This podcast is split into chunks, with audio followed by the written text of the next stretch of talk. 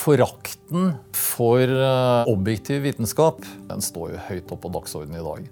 Objektiv vitenskap er et maktspråk som brukes av hvite uh, cis-males. Oh, hva er en cis-male? En cis-male det er en, en, mann som ikke er homse eller transe eller et eller annet. Altså han Altså det overveldende flertall av menn? Overveldende flertall av hvite menn ja. er cis-males. Og, og det, det, gjelder spesielt da det man kaller alfamales, altså objektiv vitenskap. Det er et undertrykkende språk.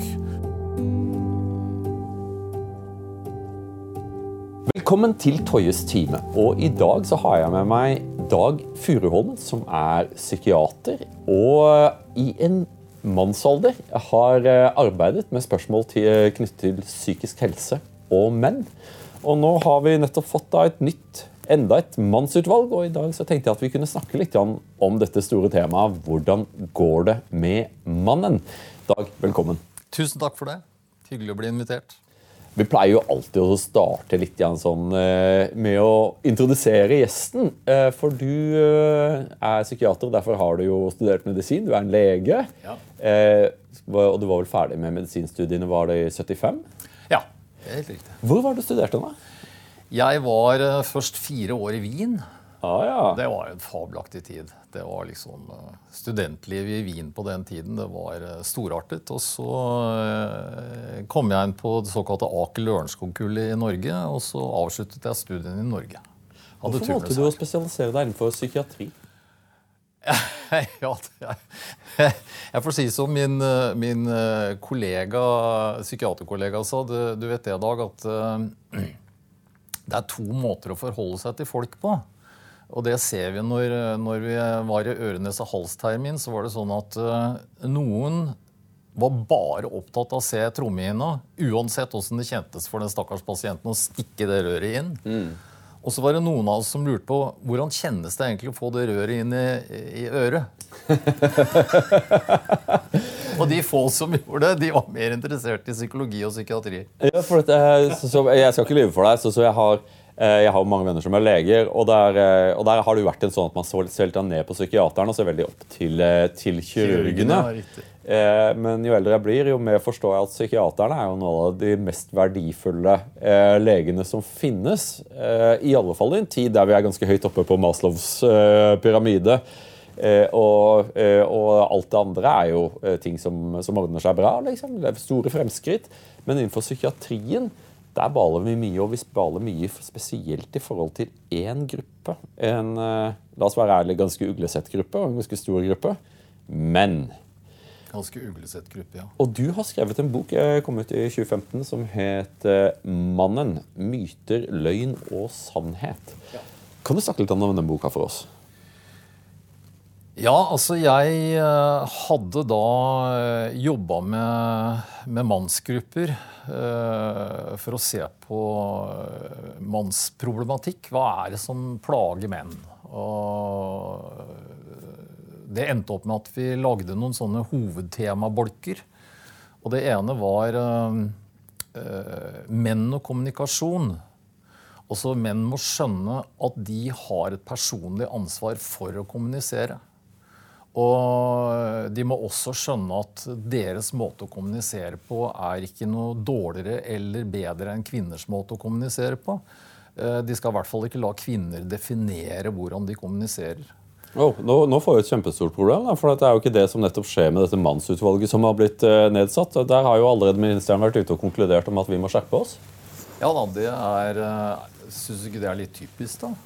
Selvfølgelig altså, når, er det typisk. Når første intervju på Dagsnytt 18 uh, handler om uh, at uh, nå må vi se på menns vold mot kvinner, så er det jo akkurat som all den forskningen som, som har skjedd de siste 20-30 åra, den viser jo med all tydelighet at uh, riktignok så er det flere menn som utøver grov vold mot kvinner enn omvendt. Ja.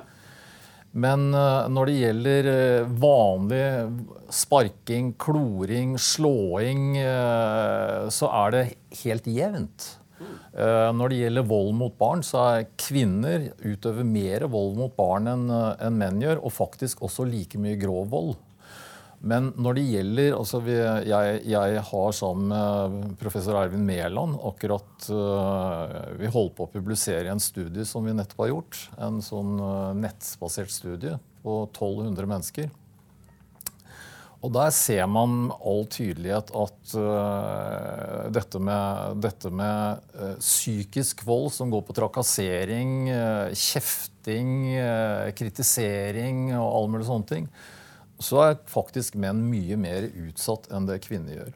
Falske anklager også menn mye mer utsatt. Og det fører til depresjon, og det kan også føre til selvmordsproblematikk. Ja, for det slo meg liksom at, eh, at eh, det å starte der da, med menns vold mot kvinner er litt som å fokusere på en bekk når du står ved siden av Glomma. Eh, fordi det vi ser her, er jo en dramatisk forhøyd eh, sjanse for selvmord blant menn. Ja.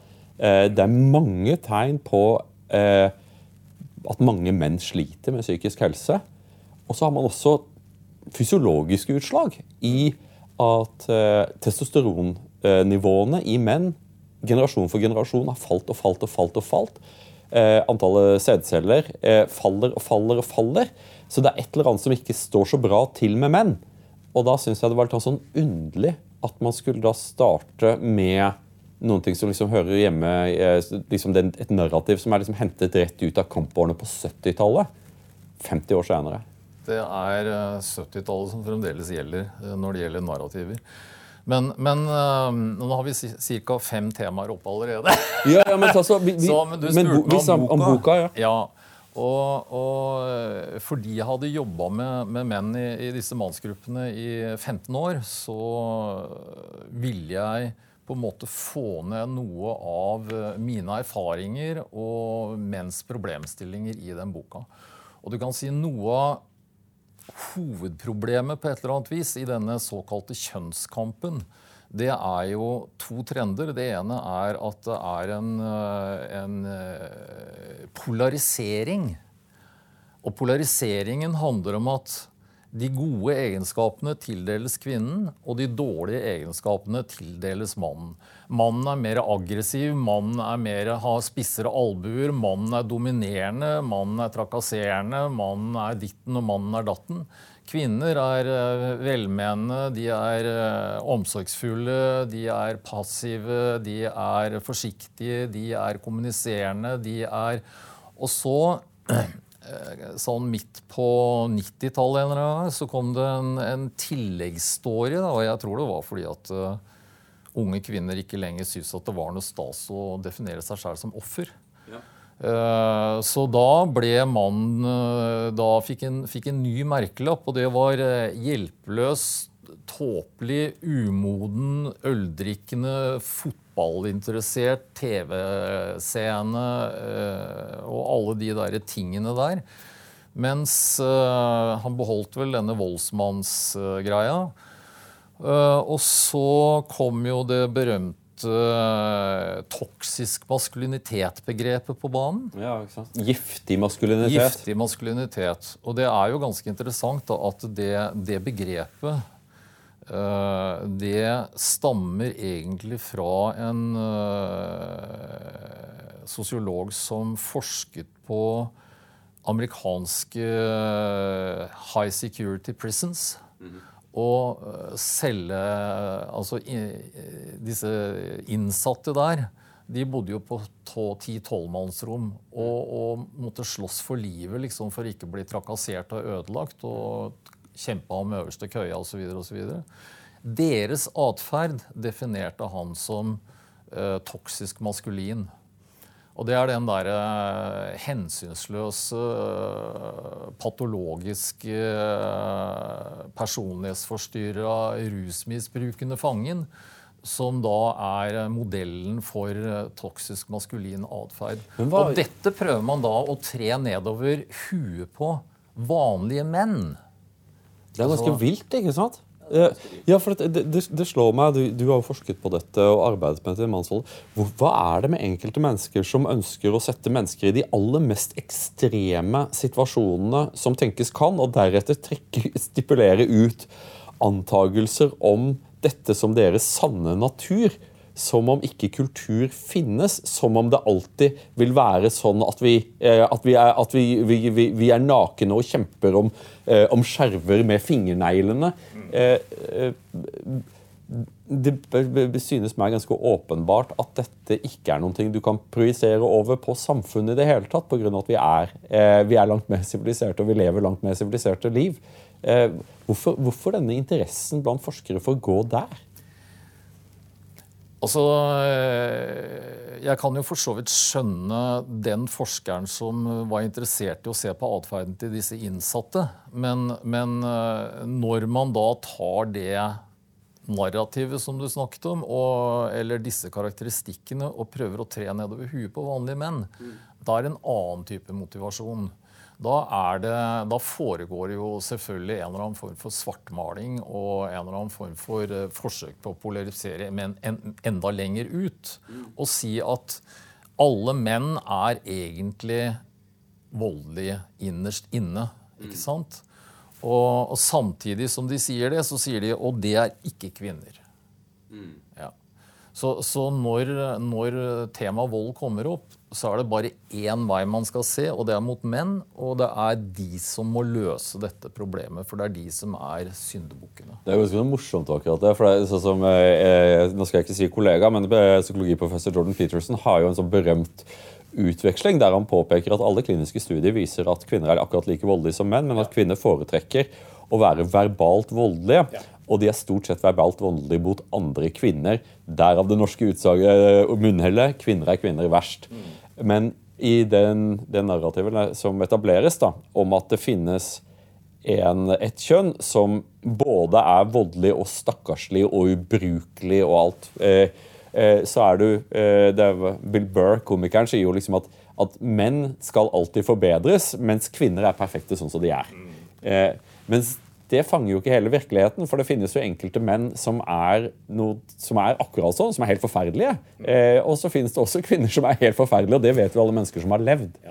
Eh, og så er det sånn at de aller fleste er ikke forferdelige. Eh, det er, de aller fleste er rasjonelle mennesker som det går an å prate med.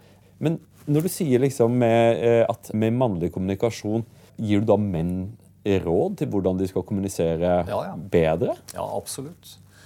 Eh, jeg har jo jobba eh, med psykologiske treningsgrupper hvor jeg har hatt både menn og kvinner i eh, kanskje 30 år. Og, og, du kan si Det er jo ikke slik at kvinner er ekstremt gode på å kommunisere heller. De er ofte flinkere til å preike om følelser. Preike om privatliv. Mens menn er litt mer sånn eh, Når de først liksom begynner å snakke om hva de føler, eller om privatlivet sitt, så, så er de på en måte litt nærere på. For de er ikke vant til det, så det er liksom litt mer sånn uh, intenst for dem. Men uh, når vi jobber med folk, så snakker vi om å være til stede i sine egne følelser eller i det vi snakker om for at det, liksom, eh, det, skal bli på en måte noe som er nært deg eller intimt for deg når du snakker om det. Og der syns ikke jeg at kvinner er noe spesielt mye bedre enn menn. Også. Altså, I min erfaring så er det jo sånn at eh, de fleste menn jeg kjenner, eh, det å bli tvunget til å snakke om sine følelser oppleves som et overgrep. Og eh, jeg selv ville heller, ville, Hvis jeg hadde valget mellom tvinges til å snakke om følelsene mine, så ville jeg foretrekke å bli waterboarda. Det er bare fysisk smerte. Eh, ja, ja. Ikke sant? Eh, bli tvunget til det. Hvis jeg vil det, eh, så er det, så er det fint. Eh, men det er også liksom at det må være men det å bli liksom satt og presset, presset, opp dit, sånn som man får følelsen av at, at skolens mål er, da, det er noe som er svært ubehagelig. Mens menn er liksom liker bedre å gjøre ting. da. Og liksom Å bygge en trehytte eller gå seg en tur i skauen, og sånn, så har man en god prat. og Kanskje man aldri har snakket om følelser, men man har jo egentlig ikke snakket om annet enn følelser. hvis du skjønner hva Jeg mener? Jeg skjønner veldig godt hva du mener. Også dette er jo uh, det er en, uh, en, amerikaner som heter Grafe, som har uh, forska på menns vennskap. Og, og, han sier jo det at menns vennskap er mer side ved side enn ansikt mot ansikt. Og, men at menn er akkurat like sensitive for liksom hva som skjer i den andre, som det kvinner er. Det er bare det at uh, de er litt mer forsiktige med å, å være direkte på det. Og, og øh, den der forestillingen om at menns vennskap på en måte er dårligere enn kvinner, det er fordi man måler menns vennskap da med kvinnevennskapets karakteristikker. Mm. Og, og, han var veldig sånn, tydelig på at uh, man kan ikke drive og måle menns vennskap med kvinne, kvinnevennskapets karakteristikker. Man må måle det på menns egne premisser. Uh, og da ser man at uh, altså, vennskap betyr ekstremt mye for menn. Men hva er, det, hva er, det, som har skjedd her nå? For Jeg vet ikke om tallene stemmer for Norge på dette, men dette er jo en ting som jeg, da jeg forsøkte å lese meg opp på dette, så er det jo slik at spesielt blant yngre menn så er det eh, færre vennskap med andre menn også. Altså at du, du har fått en ganske stor gruppe unge menn eh, som lever eh, skjermliv. Eh, eh lever liv der man får sine dopaminutvekslinger gjennom eh, gaming, eh, YouTube og pornografi. ganske isolert og har ikke noe særlig gode fungerende den type, type klassiske maskuline vennskapet. ikke sant? Eh, der man går og fisker eller noe sånt. Har ikke det. Og som, som ikke har det noe greit, ganske enkelt. da. Mm. Den dealen de har blitt tilbudt da, med det også, å, å, jobbe for å konsumere og så finne lite glede i konsumsjon, og som da setter, setter endeløse plastre på dette blødende såret. Eh, og, så, og, så, er du 22 år gammel, og så begynner du å tenke på selvmord. ikke sant? Mm. Hva er det som egentlig har skjedd her? Du kan si at dette er jo en, en slags uh, prosess som starter veldig tidlig. For det første så er det jo sånn at veldig mange gutter har liten eller ingen farskontakt. La oss starte der. Altså, dette er Warren Farrells uh, 'The Boy Crisis', den boka som han skrev. Han, han definerer det veldig tydelig. Og, og, i Norge så er det jo slik at uh, mellom 30 000 og 40 000 barn ser jo ikke faren sin en vanlig måned. Uh, og det foregår en ganske utstrakt grad av, uh, av uh, samværssabotasje. og siden det nå er slik altså Både menn og kvinner utøver samværssabotasje, men det er klart et, et voldsomt overtall kvinner som gjør det. fordi i eh, konfliktfylte skilsmisser så sitter kvinnen igjen med, med barnet eller barna i 80 av tilfellene. Mm. Uh, og i denne undersøkelsen som jeg gjorde sammen med Mæland, så, så, er det veldig tydelig at uh, menn er mer utsatt for samværssabotasje enn uh, en det kvinner er. Og det vil si at disse ungene er jo utsatt for samværssabotasjen. De får ikke lov til å se pappaen sin. Og, og, så går de i en uh, femininisert barnehage, en feminisert skole, og, og, og, har ingen gode rollemodeller. Og de har liksom ingen skal vi si, helter da, å strekke seg etter. Ja, for Når vi bruker liksom det ordet rollemodeller, men handler det ikke også om liksom, å, å, være, å ha én person som sier at det er du er, du er, fin. Det er greit å være deg. Men Du, si, du trenger ikke å forandre deg. ikke sant? Grunnen til at jeg bruker ordet rollemodeller, er jo også fordi, eller identifikasjonsobjekter, er jo fordi at uh, det er faktisk sånn at uh, det kan være et, skal vi si, et plaster på det psykologiske såret. At man finner en voksen mann, en lærer f.eks., Eh, som eh, ser deg, og som, eh, som, på en måte gir deg positiv feedback. Altså, Jeg hadde den opplevelsen selv da jeg var liten. Fordi jeg hadde en, en gammel far som var veldig sånn tilbaketrukket og passiv. Fikk så å si ikke noe feedback fra han. Og så hadde jeg en fabelaktig gymlærer på, på ungdomsskolen Eh, som plutselig sier til meg en dag eh, vi har liksom trena hatt gym, og så sier han ja, men Dag, du har jo talent til, eh, til turn. altså Hvorfor kan du ikke bli med meg og, i turnforeninga? Mm. Uh, og for meg så var det omtrent som å Jeg ble helt sånn satt ut at en, en voksen mann så meg, og, og, som jeg hadde sett veldig opp til også. ikke sant? Og, og, og ville ha med meg. Altså inviterte meg inn til sitt domene, på en måte. Johan Borgen har en fantastisk beskrivelse av den følelsen. Han sier 'blodets trompeter blåste fanfare'. ja, det kan du trygt si, altså.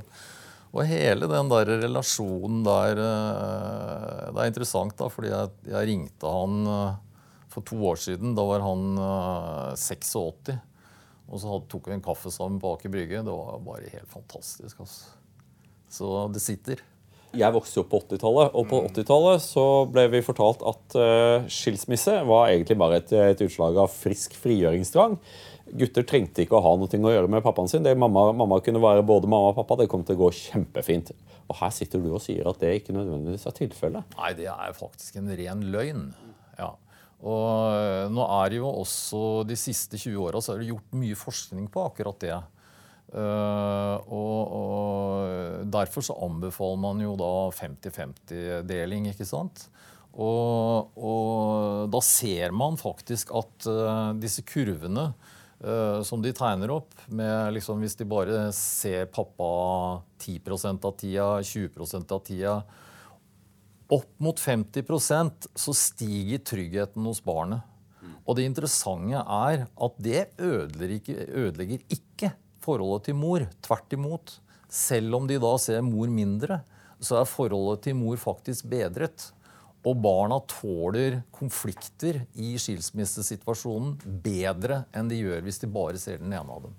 Men er, men er ikke dette ganske så selvfølgelig? Det er, så, er, det, er det ikke sånn at hvis du har en god venn så er det jo ikke sånn at du får en dårligere venn av å ha, flere gode venner. Ofte så er det plass til mer enn én i hjertet. Ja, men sånn er det at, at, folk som er en god venn, ofte er god venn for flere. Eh, og det er, og det er fint, liksom. Ja, det er helt riktig.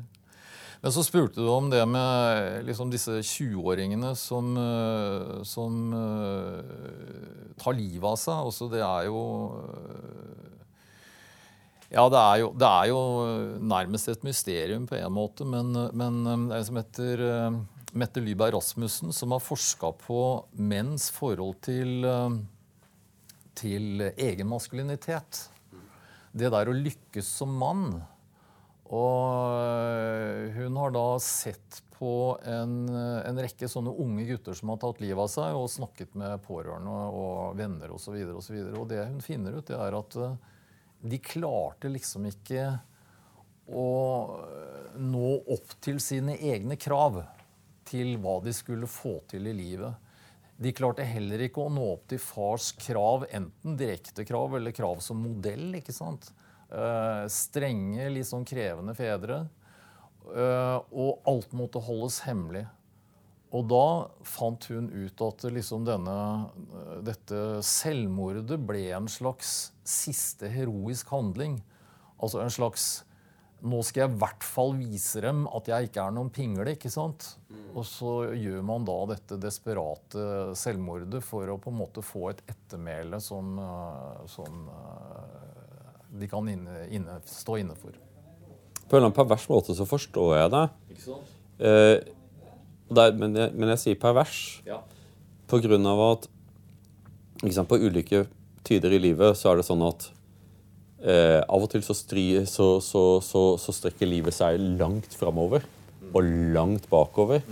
Og på andre tider, spesielt i krise, så snevrer det seg inn til omtrent at du bare kommer, klarer å se det øyeblikket og den følelsen Nettopp. du har. Og en av de tingene som, som jeg ble da jeg ble ordentlig redd, var jo liksom at uh, For det tror jeg snakket med en ung mann som tenkte på selvmord, og så, og så sier jeg liksom at vi har, jo, vi har jo folk du kan ringe. ikke sant? Mm. Og hans første respons var ja, ikke sant, så da skal det være enda en oppdragende kjerring som skal fortelle meg at jeg gjør ting feil. Eh, og at, eh, at, at liksom det var hans første respons. At kommer bli jeg, jeg kommer til å, eh, Enda en mulighet for meg å feile. Jeg kommer til å feile til og med på selvmordstelefonen. Der jeg kommer til å ha feil følelser der òg. ikke sant? Mm. Feil følelser der òg, ja. ja. Mm. Eh, og, det, og det, var, eh, det endte jo opp med at, at jeg tilbrakte en del tid med han. Jeg, jeg, kan, jeg, kan, ikke si at det var noe terapi. Vi bare gjorde ting sammen. Da. Ja. Altså, det er ikke bare det, altså. Ja. Han ble sett, og han ble hørt, og han ble tatt på alvor. Det er ikke bare.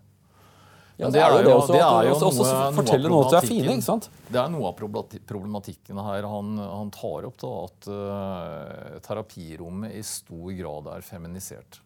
Og, og sånn som det er nå, hvor uh, Altså det jeg kaller for kjønnssensitive yrker. Altså psykologer, sosionomer, familieterapeuter leger, uh, alle disse folka som steller med, med, med folks helse og syke. Uh, og ikke minst helsesøstre, helsebrødre. Jeg tror det er tre promille eller noe sånt helsebrødre i Norge. Enda gutter ønsker seg helsebrødre. De ønsker seg en mann å snakke med. Det sier de veldig veldig klart, de som, de som blir spurt om det. Ja, for det, Jeg syns jeg er så morsomt. For, eller det er ikke morsomt, det er tragisk. ikke sant? Sånn er liksom, Når du ser på sånn dickensianske filmer om barnehjem og sånne ting. ikke sant? Ja, ja, ja. Den største synden er at hun som driver barnehjemmet der Annie er hun liker ikke barn. Ikke sant? Det er jo det, ikke sant? Det er jo den store Ja, men i all verden, liksom, hvordan kan en person som Mens ja, på skolen så får man inntrykk av at det å ikke like gutter er ikke noe diskvalifiserende for å bli lærer. Nei, det er, er, interessant. Jeg leste akkurat en bok av en fyr som heter Bregman, som uh, beskriver et veldig uh, interessant forsøk. Uh, dette var i forbindelse med, med raseproblematikken på slutten av 60-tallet. Hvor hun sier til klassen sin at ja, hun var lei for å si det, men det var noe slik at uh, de med brune øyne de var mer intelligente og, og sterkere i psyken enn de med blå øyne. Og Så skriver hun da ordet melanin opp på tavlen og sier at dette er et, eh, et kjemisk stoff som, som de brunøyde har mer av, og som gjør dem mer intelligente. Hva tror du skjedde? Jo, de brunøyde begynte å snakke høyere i klassen, ta ordet oftere, dominere de blåøyde, og de blåøyde ble mer passive og trakk seg unna. Det samme på en måte forsøket er gjort av en, av en psykolog Husker jeg ikke navnet hans i farten, men, men han utdelte da uh, Dette var en, en, barneskole i California. Han, han delte ut da uh, vanlige IQ-tester. Men han kalte det noe helt annet. Uh, og, og, disse testene de skulle da vise forventet læringskurve i løpet av et år. og så samlet de inn testene, og så putta de i en skuff, og så kasta de terning om hvem som skulle være lovende og hvem som ikke skulle være lovende. Og så fikk de det stempelet ut fra terningkast. Og det som viste seg, det var at de som ble stempla som lovende, lærerne ble opptatt av dem, de hørte mer på dem, de var mye mer positive i sin feedback til dem.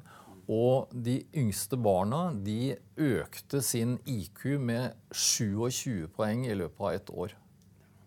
Er ikke det vanvittig? Og hva tror du skjer i norsk skole?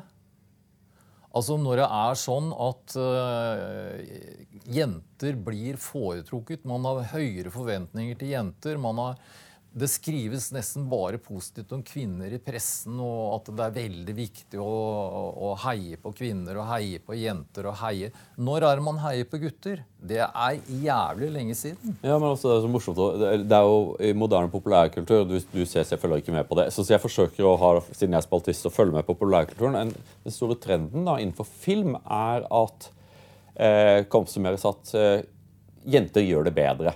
Og jenter er helter. Hel ja, men, helter er, ja, men de, er også, de er bedre i alt. Ja. Eh, det, liksom, det, et eksempel er den nye Star Wars-filmen. Eh, I den opprinnelige Star Wars-filmen så har du en uh, gutt som heter Luke Skywalker, mm. som, er, som tilfeldigvis er en jedi. Ja. Eh, Luke er ingen god jedi. Eh, han må øve seg, han gjør masse tabber. Han mister den ene armen sin fordi han ruser fram. Eh, men det gjør jo også at Luke blir en veldig inspirerende historie. Når, når Luke liksom blir fullvoksen mann med all den erfaringen. Og så lager de da en ny versjon av dette med en jente. Hun trenger ikke å øve, for hun er allerede den beste jedien som tenkes kan uten å ha øvd i det hele tatt.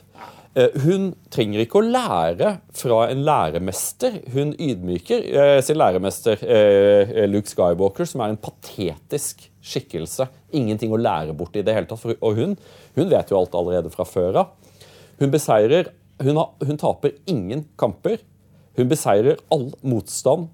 Og til slutt så sitter, så sitter da studio igjen og lurer på hvorfor er det egentlig ingen som liker denne nye, denne nye, denne, denne nye helten vår.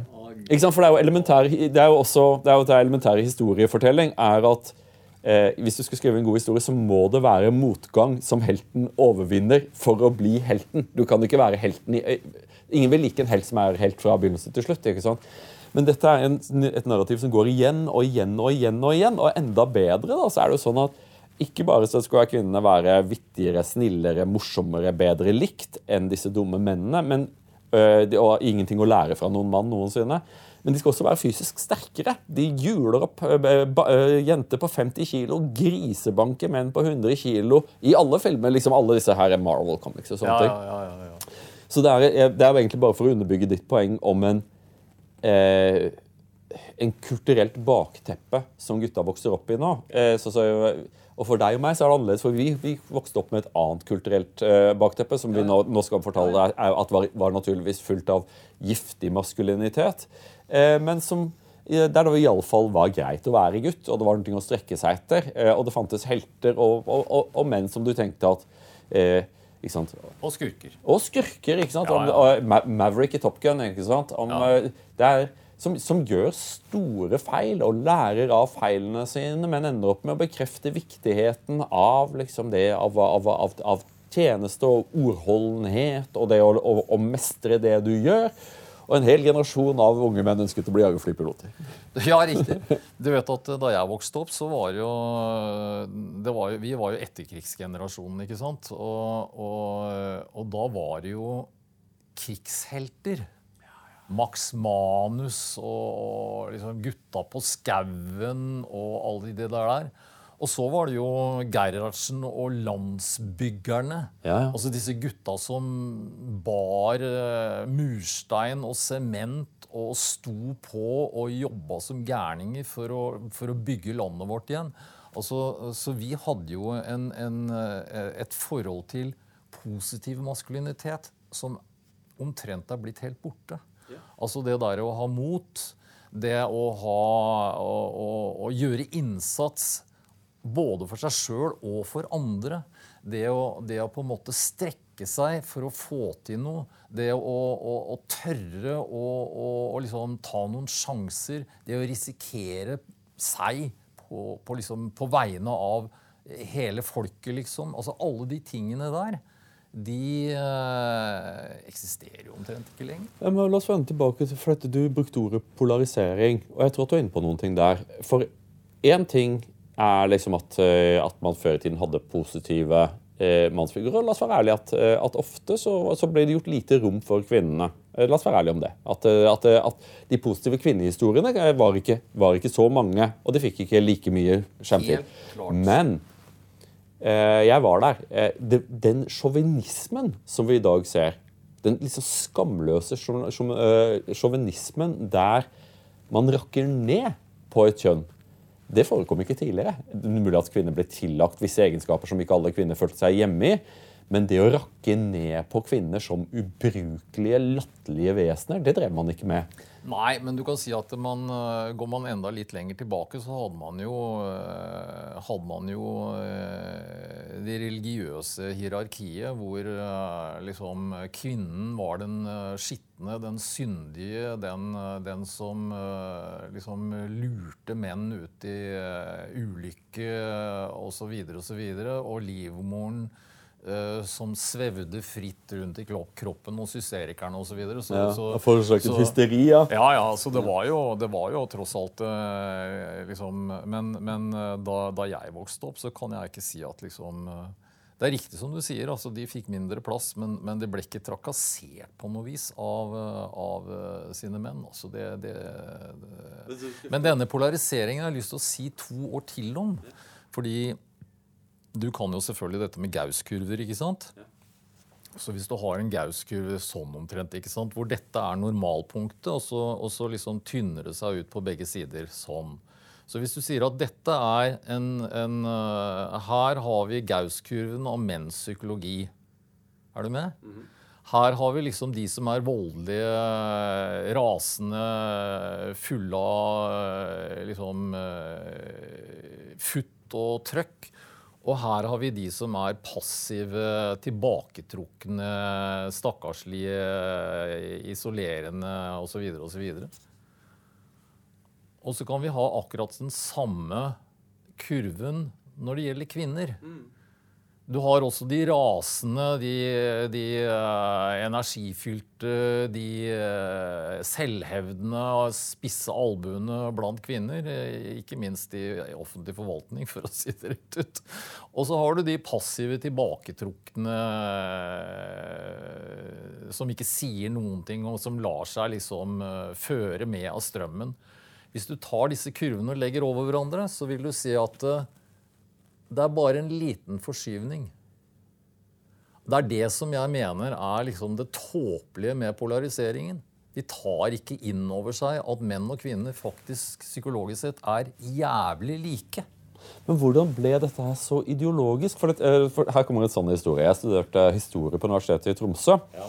Eh, og så hadde vi da et historiepensum. Og alt sammen var eh, helt innafor. Eh, du leste de bøkene du bør lese. Vi ble skolert i middelalderhistorie og liksom i fransk revolusjon og sånne ting. Og så var det påplussingsemne som het kvinnehistorie.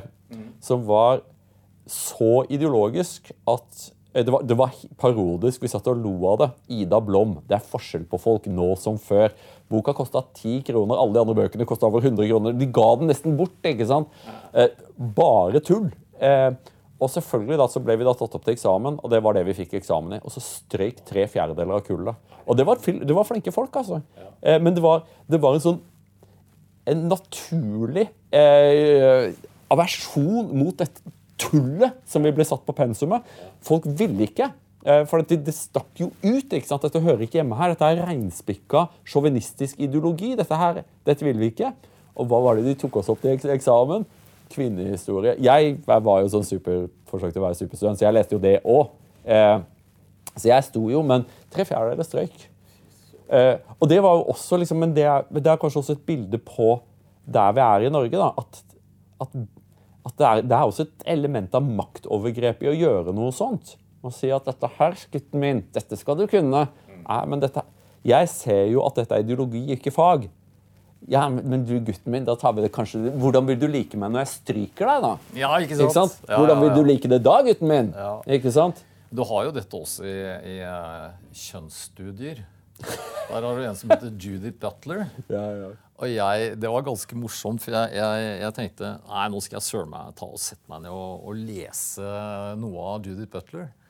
Det er det største sprøytet jeg noensinne har lest.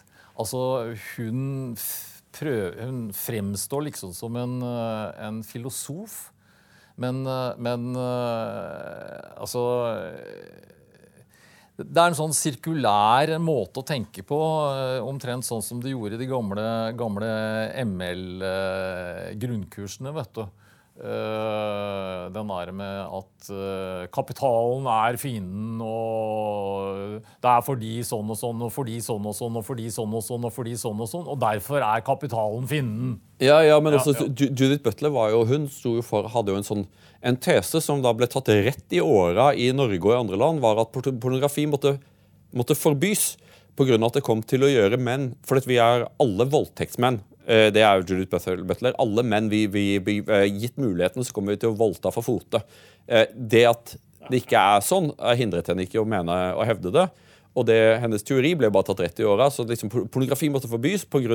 At, at det kom til å føre til enorme seksuelle overgrep. Og så viser det seg at eh, egentlig ikke. da. Egentlig, egentlig, egentlig mer mot, stikk motsatt. at, at pornografi, eh, et liberalt pornografi, og det kan vi sikkert diskutere om det er, om det er bra, eh, men i alle fall så er det omvendt proporsjonalt med seksuelle, med seksuelle overgrep. Det blir mindre av det. Ja, Nei, da, altså, det er klart at Jeg har hatt dette med pornografi opp i mannsgruppene mine. Mm. Og det som er problematisk, er jo akkurat det du snakket om med denne dopamingreia. ikke sant? At enkelte menn blir avhengig av å se pornografi. Og, og, de skammer seg noe jævlig over det, og de klarer ikke la være. Uh, og det ødelegger jo liksom uh, forholdet til partner, og det, det, det, ødelegger egentlig veldig mye for dem. Så, så, så det er også problematisk. Men, men, jeg tenkte når du sa det der med, med, med, denne hypotesen, så er det jo også interessant dette med, med Hva, hva søren het hun derre den store treningsmagneten på 90-tallet, hun amerikanske skuespillerinnen. Uh, nei, det var ikke Barbara Streisand. Hva het hun nå igjen? Uh, ja. Uh, jeg, jeg. Søren, nå husker jeg, jeg husker Barbara Streisand? Nei, nei, nei. nei, nei, det, nei det, var, det, var, det, er en sånn ikonisk dame som, som også var kvinneforkjemper. Og hun kom med den hypotesen at menn som ikke viste følelser, de ble voldelige. Og vi ser jo det at dette, dette, er jo noe som fremdeles Denne myten, dette memet, for å kalle det det, det eksisterer fremdeles som en sannhet. Eh, på tross av at eh, forskere i årevis har bevist at dette her stemmer ikke i det hele tatt. Det har ingenting for seg. Altså, eh, Veldig ofte så er det jo sånn at de, de mennene som, som, blir tette som uh, hermetikkbokser, de blir bare deprimerte. Mm. Ja. Men hvorfor tror du at eh, i en uh, presumptivt vitenskapelig tidsalder så er kliniske funn knyttet til og det Jeg antar at dette er basert på ganske store, eh, sto, store eh, grupper. så det, altså det er funn som har, som har troverdighet. Ja. Hvorfor skyves disse bort med en så, med slik nonsjalans fra samfunnsvitenskapen? Hvordan kan det være? Var det ikke slik at samfunnsvitenskapen og kjønnsstudier og statsvitenskap og hva, hva har du, eh, burde være informert av den type kliniske funn? At det burde være gulvplankene som vi, som vi drev på? Nå skal vel uh, du og jeg være litt forsiktige med å gå altfor langt inn i uh, postmodernismens problematikk, syns ikke det? det? det? er klart at forakten for objektiv vitenskap, den, jo, den, står jo høyt opp på dagsordenen i dag. Objektiv vitenskap er et maktspråk som brukes av hvite hvite uh, cis-males. Oh, hva er en cis-male? En cis-male det er en, uh, en, mann som ikke er uh, homse eller transe eller et eller annet. Altså, han, altså det overveldende flertall det av menn? Det overveldende flertall av hvite menn ja. er cis-males. Og, og det, det, gjelder spesielt da det man kaller alfamales, altså de som er dominerende, har draget på damene, er suksessrike i business osv. osv. Oh, ja. Ja, så de uh, Men dette, gjelder, dette, ble altså mynda på vitenskap. At, uh, at uh, videnskap, altså objektiv vitenskap det er en måte Det er et undertrykkende språk. Og, og derfor skal det erstattes med Altså det skal dekolonialiseres. Wow. Det virker jo som at at alle sammen trenger å gå tilbake og lese om Nietzsche. Nietzsche har skrevet en del om dette, om slavemoral. Eh, men eh, eh så, så, jeg syns jo alltid da jeg leste Nietzsche, at, at jeg syns han var litt for drøy. Mm. Eh, og så gikk jeg tilbake og begynte å lese Nietzsche nå i, i senere år pga. noe jeg skriver på. Og det var en sånn følelse Jeg følte at jeg liksom tenkte å titte meg over skulderen. For jeg fikk, jeg fikk en følelse at jeg satt og leste forbudt litteratur. Dette, ja, du skjønner, Har du hatt den følelsen noen gang? At du tenker at er det lov å si dette? Ja, jeg skjønner. Ja, ja. Nei, men uh, vi må ta oss og vende tilbake til, um, uh, til ditt virke som, som psykiater. For du har fått en ganske sånn eh, sentral rolle. Jeg ble litt sånn overrasket, for jeg ble, eh, jeg ble, bedt om å komme og holde et foredrag i Mannsforum. Ja. Og så må jeg si at eh, det første jeg tenkte, var å, gud bedre, det gidder jeg ikke. For jeg fikk, et, nei, for jeg fikk en sånn følelse av eh, Det første jeg tenkte, var en gjeng med cis, stakkarslige cis-males eh, som sitter og, og, griner fordi de ikke har drag på damene, og fordi de er ubrukelige. Liksom. Ja. Ja, nå bare forteller jeg hva mine ja, ja, ja. fordommer var. Ja, ja. Eh, og så, men så tenkte jeg uh, så, så, så nevnte de deg, og så og så, så, så jeg noe, så tenkte jeg ja, men Dag Furuholmen, han- det det virker som at hvis, hvis han var involvert i dette, så, så, så er, det, er det sikkert greit. Han virker jo ganske stabil. Ja, det, er ikke, sant? ja, ikke sant? Ja, ja, ikke, for, vi er jo koda til å kunne lese hva som er normalen, og normalen er brei. Ja, ja, ja. Eh, men, og så vet vi hva som er utenfor normalen, og det ser du ganske fort. ikke sant? Men her var det noe Og så viser det seg at eh, de folka som kom på dette foredraget, da Jeg husker ikke hva jeg snakka om engang. Eh, eh, men det de hadde til felles, var at det var helt normale menn eh, som Og veldig mange av dem ikke fikk være sammen med barna sine uten at det var noen særlig god grunn til det. Det var ikke det at de liksom var dømt for, eh, dømt for noe, noe fælt eller noe sånt. Ikke, eller at de var eh, voldelige eller fæle eller noe sånt. Eh, hvordan i all verden kom vi For hvis, eh, vi har jo allerede fått lære av uh, dette, dette mannspanelet, eller mannsutvalget, har jo allerede konkludert at målet med våre menns liv er å skape uh, likestilling. Men hvordan kan det være at det er så mye vanlige mannfolk da, som, ikke, som, som er skikkelig lei seg og desperate i et møte med et system som, der de ikke får tilgang å være sammen med det viktigste i livet deres, altså barna deres? Ja. Nei, for det første så er det jo sånn at øh, menns følelser i forhold til dette, altså at de er lei seg, som du sier, det teller ikke. Eh, Dette er det Warren Farrell, Farrell kaller for øh, empatigapet mellom menn og kvinner. Altså at øh, kvinners følelser er viktige og teller. Menns følelser de teller ikke. Altså sutring. Eh, og han har masse forklaring på dette. Det er fordi, sier han, at uh, vi trenger unge menn som vi kan sende ut i krigen for stammen eller for landet eller for et eller annet. Og da kan vi ikke samtidig ta inn over oss hvor jævlig de har det ute på slagmarken. Så, så det er liksom innebygget i kulturen vår. Uh, og det andre er jo det at det er økonomi som er grunnen. Vil si at hvis mor saboterer eh, samværet med far, så må far betale mer i bidrag. Selv om hun da går mot reglementet som, som de er blitt enige om med jurister eller med whatever, så, så er det ingen som griper inn overfor en mor som saboterer samvær.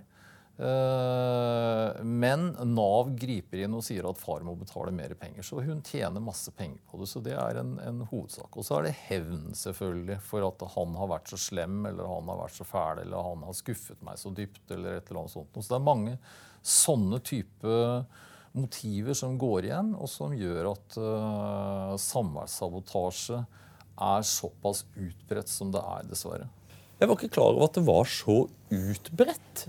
Eh, at, at helt, vanlige, helt menn som, som ikke var, var jeg, jeg trodde at de skulle være sinte, men de var jo ikke sinte. De var lei seg. Ja. Nei, men altså Nå driver de jo og skal revidere familieloven, ikke sant? Og, og øh, Mannsforum har faktisk gått til sak mot Nav. Eh, og den saken ble avvist. Og det, det var akkurat på det der med at eh, vi mener at eh, det er ikke lovens intensjon at den saboterende part skal tjene på det. Men nei, de vil ikke ta gruppesøksmål, så her må vi lage enkeltsøksmål osv. Det er masse sånne greier. Vi holder på med det ennå.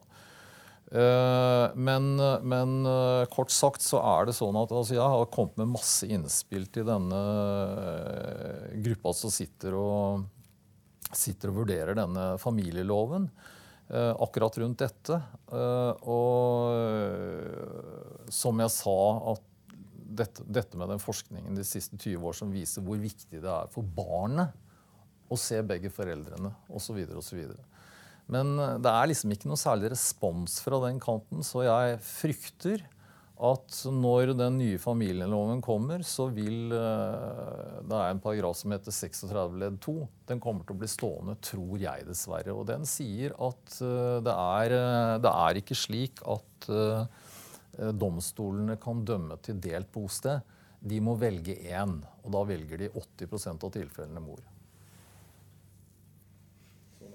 Tror du at det, det, dette nye mannsutvalget kommer til å, til, å, til å, løse opp i dette? Man ville jo kanskje tro at det var en av de tingene som man ville drøfte, eller tror du at, at jeg, innrømmer, er jo et fordomsfullt menneske. men jeg forsøker å innrømme mine fordommer. Altså, det første jeg tenkte var at Hvis man hadde satt ned et, et kvinneutvalg, så ville man ikke satt halvparten menn på det. Da ville det blitt ramaskrik, men det gjorde man her. Og det ville nok ikke gått på at en mann hadde stilt opp på Dagsnytt 18 og med, liksom, med ild i blikket gjort det klart eh, at, eh, at, eh, at, kvinner trenger å skjerpe seg. Og kvinners oppførsel mot menn har betydelig rom for forbedring. Nå starter så kan utvalget liksom, Jeg tror ikke at man ville starta der, da. Og det fikk meg til å tenke at ja, ja, dette her kanskje kommer ikke til å, til å treffe helt. Eh, jeg må si at jeg skvatt voldsomt i stolen når jeg så akkurat det innlegget i Dagsnytt 18 som du snakker om der. Det var, det var syns jeg, meget nedslående. Altså, Vi har heldigvis uh, vår leder i Mannsforum, Arne, Arne Børke, er der. Men, men, jeg er redd for at uh, hans stemme i denne store gruppa, den kan nok lett druknes, vil jeg tro. Det som har skjedd med NOU-ene, var at eh, en gang i tiden var det sånn at man satt sammen med eh, et, et, råd av mennesker som presumptivt til sammen hadde et, et balansert og klokt eh, syn ja. på noe. ikke sant? Og så, og så skriver de. Mens trenden har blitt at disse utvalgene sales på med stadig mer skarpskodde arsenaler av byråkrater, ja. som også har sin agenda. Ja. Og det opplevde jeg i Brochmann 2 at den teksten som du får forelagt At uh, vi var hundene som bjeffet, og de var karavanen som gikk videre. Så den, den, rapporten som ble skrevet, var jo den rapporten som byråkratene ønsket å skrive. Ja, nettopp. Så vi endte jo opp mer til å bli liksom et Jeg vil ikke gå så langt som å si et gissel, men i alle fall, vi ble i alle fall uh, ansiktene på en rapport uh, som vi ikke hadde skrevet. Nei, Jeg tenkte også faktisk på dette med Jeg tenkte åh, jeg er glad jeg ikke er med i det utvalget. Altså, da tror jeg jeg hadde følt meg som et gissel.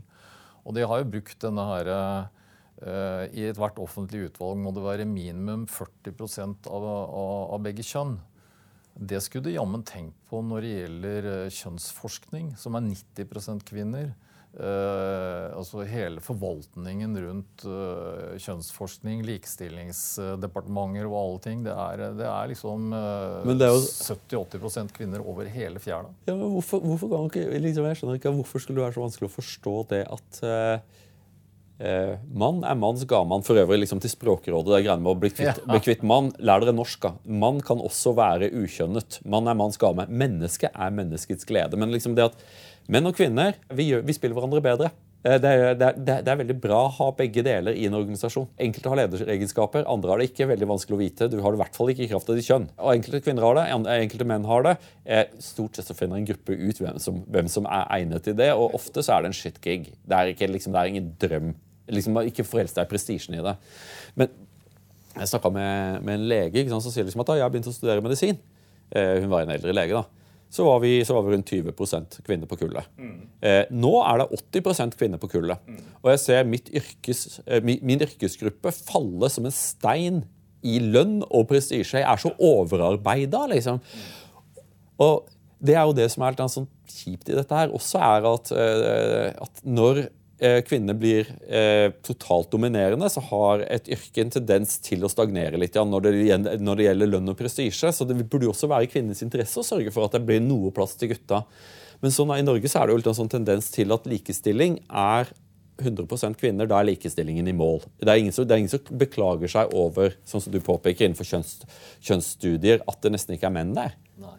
Du har jo også denne her eh, FN-rapporten som kommer hvert år eh, fra World Economic Forum, som, eh, som måler i hvilke områder kvinner kommer dårligere ut enn menn. og så får landene poeng etter det. Så hvis, hvis, kvinnene stort sett kommer like bra ut som, som, som menn i alle livsområder, mm. så er dette landet dyktig og bra. Mm. Men det er ikke et eneste mål på hvor menn kommer dårligere ut enn kvinner. Er ikke det ganske interessant? Altså, Det er i seg sjøl så fjernt fra likestilling som det går an å få det. Det er bare en sånn trend som jeg ser innenfor veldig mange felt, er at eh, man ofte forstår at syntese er det rette. Eh, det, er der, det er der man bør være. Et rimelig menneske er i syntese. Men at man da eh, at man slår ekstreme pendelslag ut som rettferdiggjøres gjennom bare ren historieforfalskning for å, for å konstituere en, en tese. Mm. Nå, nå, har jo jeg blitt så voksen at nå forteller folk historier om 80-tallet der jeg sier liksom Nei, nei, nei, jeg var der. Sånn ja, var det ikke. Ja, ja, men det, liksom, det mørke liksom den der uh, Handymaids Tale-virkeligheten tråkker jo nærmere. og jeg, jeg, jeg, Da faren min sa at nei, det var, det var ikke sånn på 50-tallet det var, det var, det ikke. Jeg, var der, liksom. Men, eh, mens nå er det på 80-tallet at, eh, at, at, kvinner ble, ble, ble, voldtatt i søvn av, av, av Bibel, av, av, korsbærende menn som tvang dem. ikke sant? Og liksom for, for antitesen er jo, liksom, Deres sjåvinisme er jo betinget av en tenkt fortid. Og så er det sånn at det er jo nesten ingen kvinner som er der. Hvor, så hvorfor er det sånn at de, de mest sjåvinistiske, fæle, intolerante liksom er de som skal være fanebærere? Hvorfor ble det slik? Fordi de vil ha makt. Ja. Det er jo det. Ja, men det, liksom, hvor, hvor, fint er det å ha makt når målet ditt er å ned, nedvurdere og hunse noen? da? Bør du ha makt da? Ja, da? Nei, du bør ikke ha makt, men du vil ha makt. Det er jo liksom eh, denne Dette altså Nå skal ikke jeg bli, bli, sånn freudiansk her, men det er klart at uh, kvinner som har uh, dårlig forhold til faren sin, f.eks., de er jo ofte mer sinte på menn enn andre kvinner. For eksempel, da. Uh, så det kan være mange rare grunner til at man utpeker menn som fiender, og som, som man da skal gå imot for enhver pris. ikke sant? Det er, men er det, er, men er det liktebringende for, er for de kvinnene som gjør det? Eller har dere noe forskning på at er det noen ting som får dem til å leve gode og Nei, vellykkede liv? Det har vi ikke noe forskning på, men det er, det er jo sånn, sånn, sett også menn som er rasende på kvinner. Altså de, og de blir jo heller ikke noe spesielt lykkelige. Nei, for jeg vil jo tro det at menn som hater kvinner, og kvinner som hater menn, eh, ofte ender opp i ganske hatefulle og triste liv. Eh, at, eh, veldig. Så, ja. Eh, så kan vi ikke, liksom uten å være liksom, Beatles come together men, eh, Kan vi ikke begynne å elske hverandre? ja, kan, men kan vi, ikke, kan vi, ikke, forsøke å Men sånn er det jo at eh, hvis man forsøker å se det beste i hverandre, eh, og hvis man forsøker å, å, fokusere på de tingene som er bra med deg, da, mm. at jeg kommuniserer det mm så, det, så, er det nok en del av ting som kanskje er grått, som vil gli over i hvitt, og ting som var svart, som går over i grått. Det er, eh, det er, det er, ikke, det er jo ikke, frelse. Det er jo ikke sånn at du kommer nei, til å bli et annet menneske. Men eh, det er i hvert fall min erfaring med hvordan du behandler folk. At, liksom, jeg har skrevet en del bøker om Og jeg liksom omgås ganske mye folk som, som, folk som jeg ikke liker da, så veldig godt. Vi sier det ikke. Men så, så jeg, vi er jo høy, den høyskolerte middelklassen forakter arbeiderklassen. Vi gjør det. skjønner du. De kler seg, liksom, det, vi, de kler seg, hva, Hvordan de kler seg, hva slags musikk de hører på. Alt sammen er jo memer for oss. ikke sant? Ja. Eh, men hvis du omgås disse folka og, og, og er trivelig og grei og forsøker å se det gode, så blir du overrasket over hvor mye bra folk det er der ute. Eh, og hvor mye du har å lære. Ja, ja, ja, og det har ikke så veldig mye å si. Kjønn er ikke veldig viktig, eh, er ikke veldig viktig for akkurat det der greiene. Folk er folk, og noen er sånn, og noen er sånn, og veldig få er dårlige. Og veldig folk er, få er også så dårlige at de er råtne hvis du behandler dem skikkelig. Det er min, er min erfaring. Det er min erfaring òg. Nå har jo du øh, liksom gått gjennom et langt, et langt, liv. og jeg ser jo, nå, nå, nå, må du si hvis jeg tar feil, da, for jeg har jo lest jeg liksom gjorde et sånt A-tekstsøk og sett liksom at du har liksom Tidvis har du liksom gått inn i debatten i Dagbladet andre steder og, liksom, og, og satt ting litt på plass. Jeg har vist til forskningen og sånne ting. Og, de, og, nesten uten unntak så virker det som at det har liksom bare Det du har klart å gjøre, er bare parkere debatter. Det har ikke vært sånn at debatten eller så har blomstret ut ifra ditt Liksom at her kommer en psykiater, du tilfører fakta, eh, og så sier du det er feil. Det må du nesten belegge. Her er hva vitenskapen sier. Dette er det siste. Og det pleier å være siste ord i debatten. Og så, og så, og så venter man på at, liksom, at, at tyter ut i et, på et annet sted. Det kommer, det kommer ofte ut, men, men, men, det kommer ut i, lenge etterpå. Altså, da jeg ga ut den boka 'Mannen, myter, løgn og sannhet', så ble den altså tiet i hjel. Eh, og så var det en eh, Det var jo også litt sånn håpløst. Altså, den ble anmeldt i, i eh, uh, Faglitterær forfatterforenings tidsskrift av uh, et par damer som også har anmeldt da samtidig noe sånn virkelig sånn feministisk orienterte bøker. Og der ble, den, der ble, jo boka mi litt sånn slakta. Det var jo bare møl, og det var bare kjedelig, og det var bare fakta. Det var, bare, det var helt håpløst, hele greia. Hele prosjektet var liksom helt misforstått osv. Men det var helt taust, egentlig, generelt. Enda liksom Det er jo ikke sånn at uh, litteratur om menn er en stor sleger i, i Norge. Jeg husker jeg, var, jeg, har vært mye i Statene, da, og da husker jeg var på i Boulder Bookstore. Yeah. Uh, som er en fantastisk bokhandel. Og der var det altså ca. 40 hyllemeter med kvinnelitteratur. Og så var det så mange bøker om menn.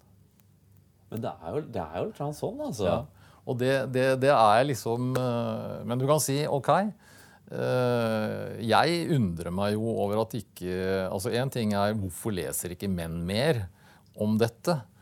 Men så kan man også spørre seg hvorfor leser ikke kvinner mer? Har de ikke sønner? Altså, Det skjønner ikke jeg. Altså Den derre innbitte denne søstersolidariteten som går på bekostning av kvinners sønner, det, det jeg forstår ikke det. Jeg tror noe av svaret ligger i eh? Har du har lest Simone Beauvoir 'Det annet kjønn'? Som er jo en grunntekst innenfor feminismen. Eh, men, men, men eh, det, boken er ikke feministisk. Eh, det, det, dette er faktisk noe som jeg tror eh, alle vil ha nytte av å lese. Mens ikke sant?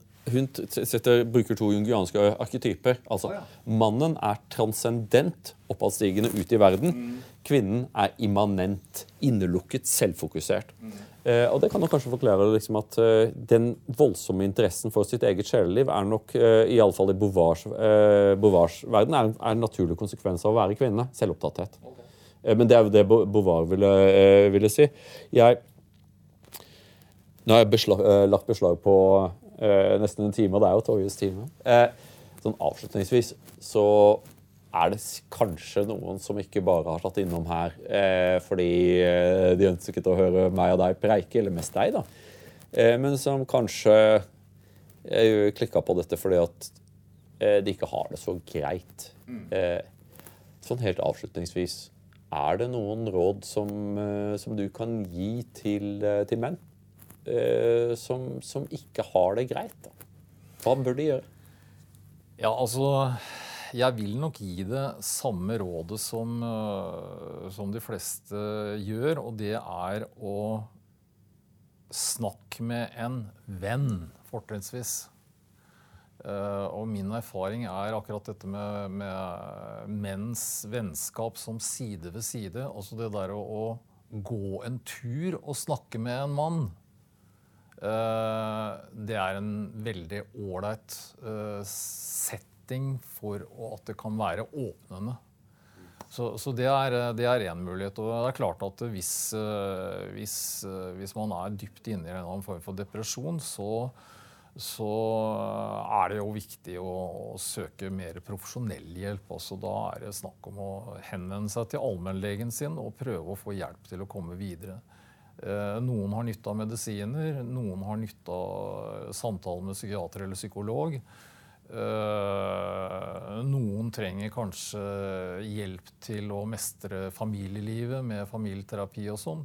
Og da får man jo bare håpe at de eh, finner seg en familieterapeut som ikke bare er kvinnefokusert. Også fordi dessverre så er det ofte slik Jeg har hatt masse sånne par i, hos meg som, som, eh, hvor mannen sier at ja, vi gikk hos en før, men, eh, men eh, hun var enig i alt kona mi sa, liksom. Og du vet at det, det går ikke. Så, så, så Jeg trodde at det var bare sånn stereotypi for komedier. at det var ja, sånn. Nei, dessverre. Altså, så har jeg opplevd det mange ganger. Men er selvfølgelig er det mange flinke og flotte psykologdamer som, som ikke opererer på den basisen. Det er, det- så, jeg skal ikke være sjåvinist, jeg heller, men, men de må i hvert fall sørge for at de, de Hvis man oppsøker hjelp, at man kjenner at dette funker for meg.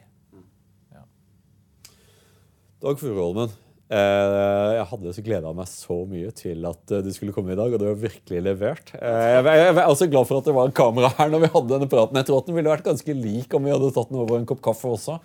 Men det har vært en ære å ha deg her på Toyes time. Takk så mye. Tusen takk skal du ha. Det var veldig morsomt å snakke med deg. Og det er eh, Ja. Det, vi kan nok treffes over en kaffe en annen gang og prate mer, tenker jeg. La oss gjøre det. ja.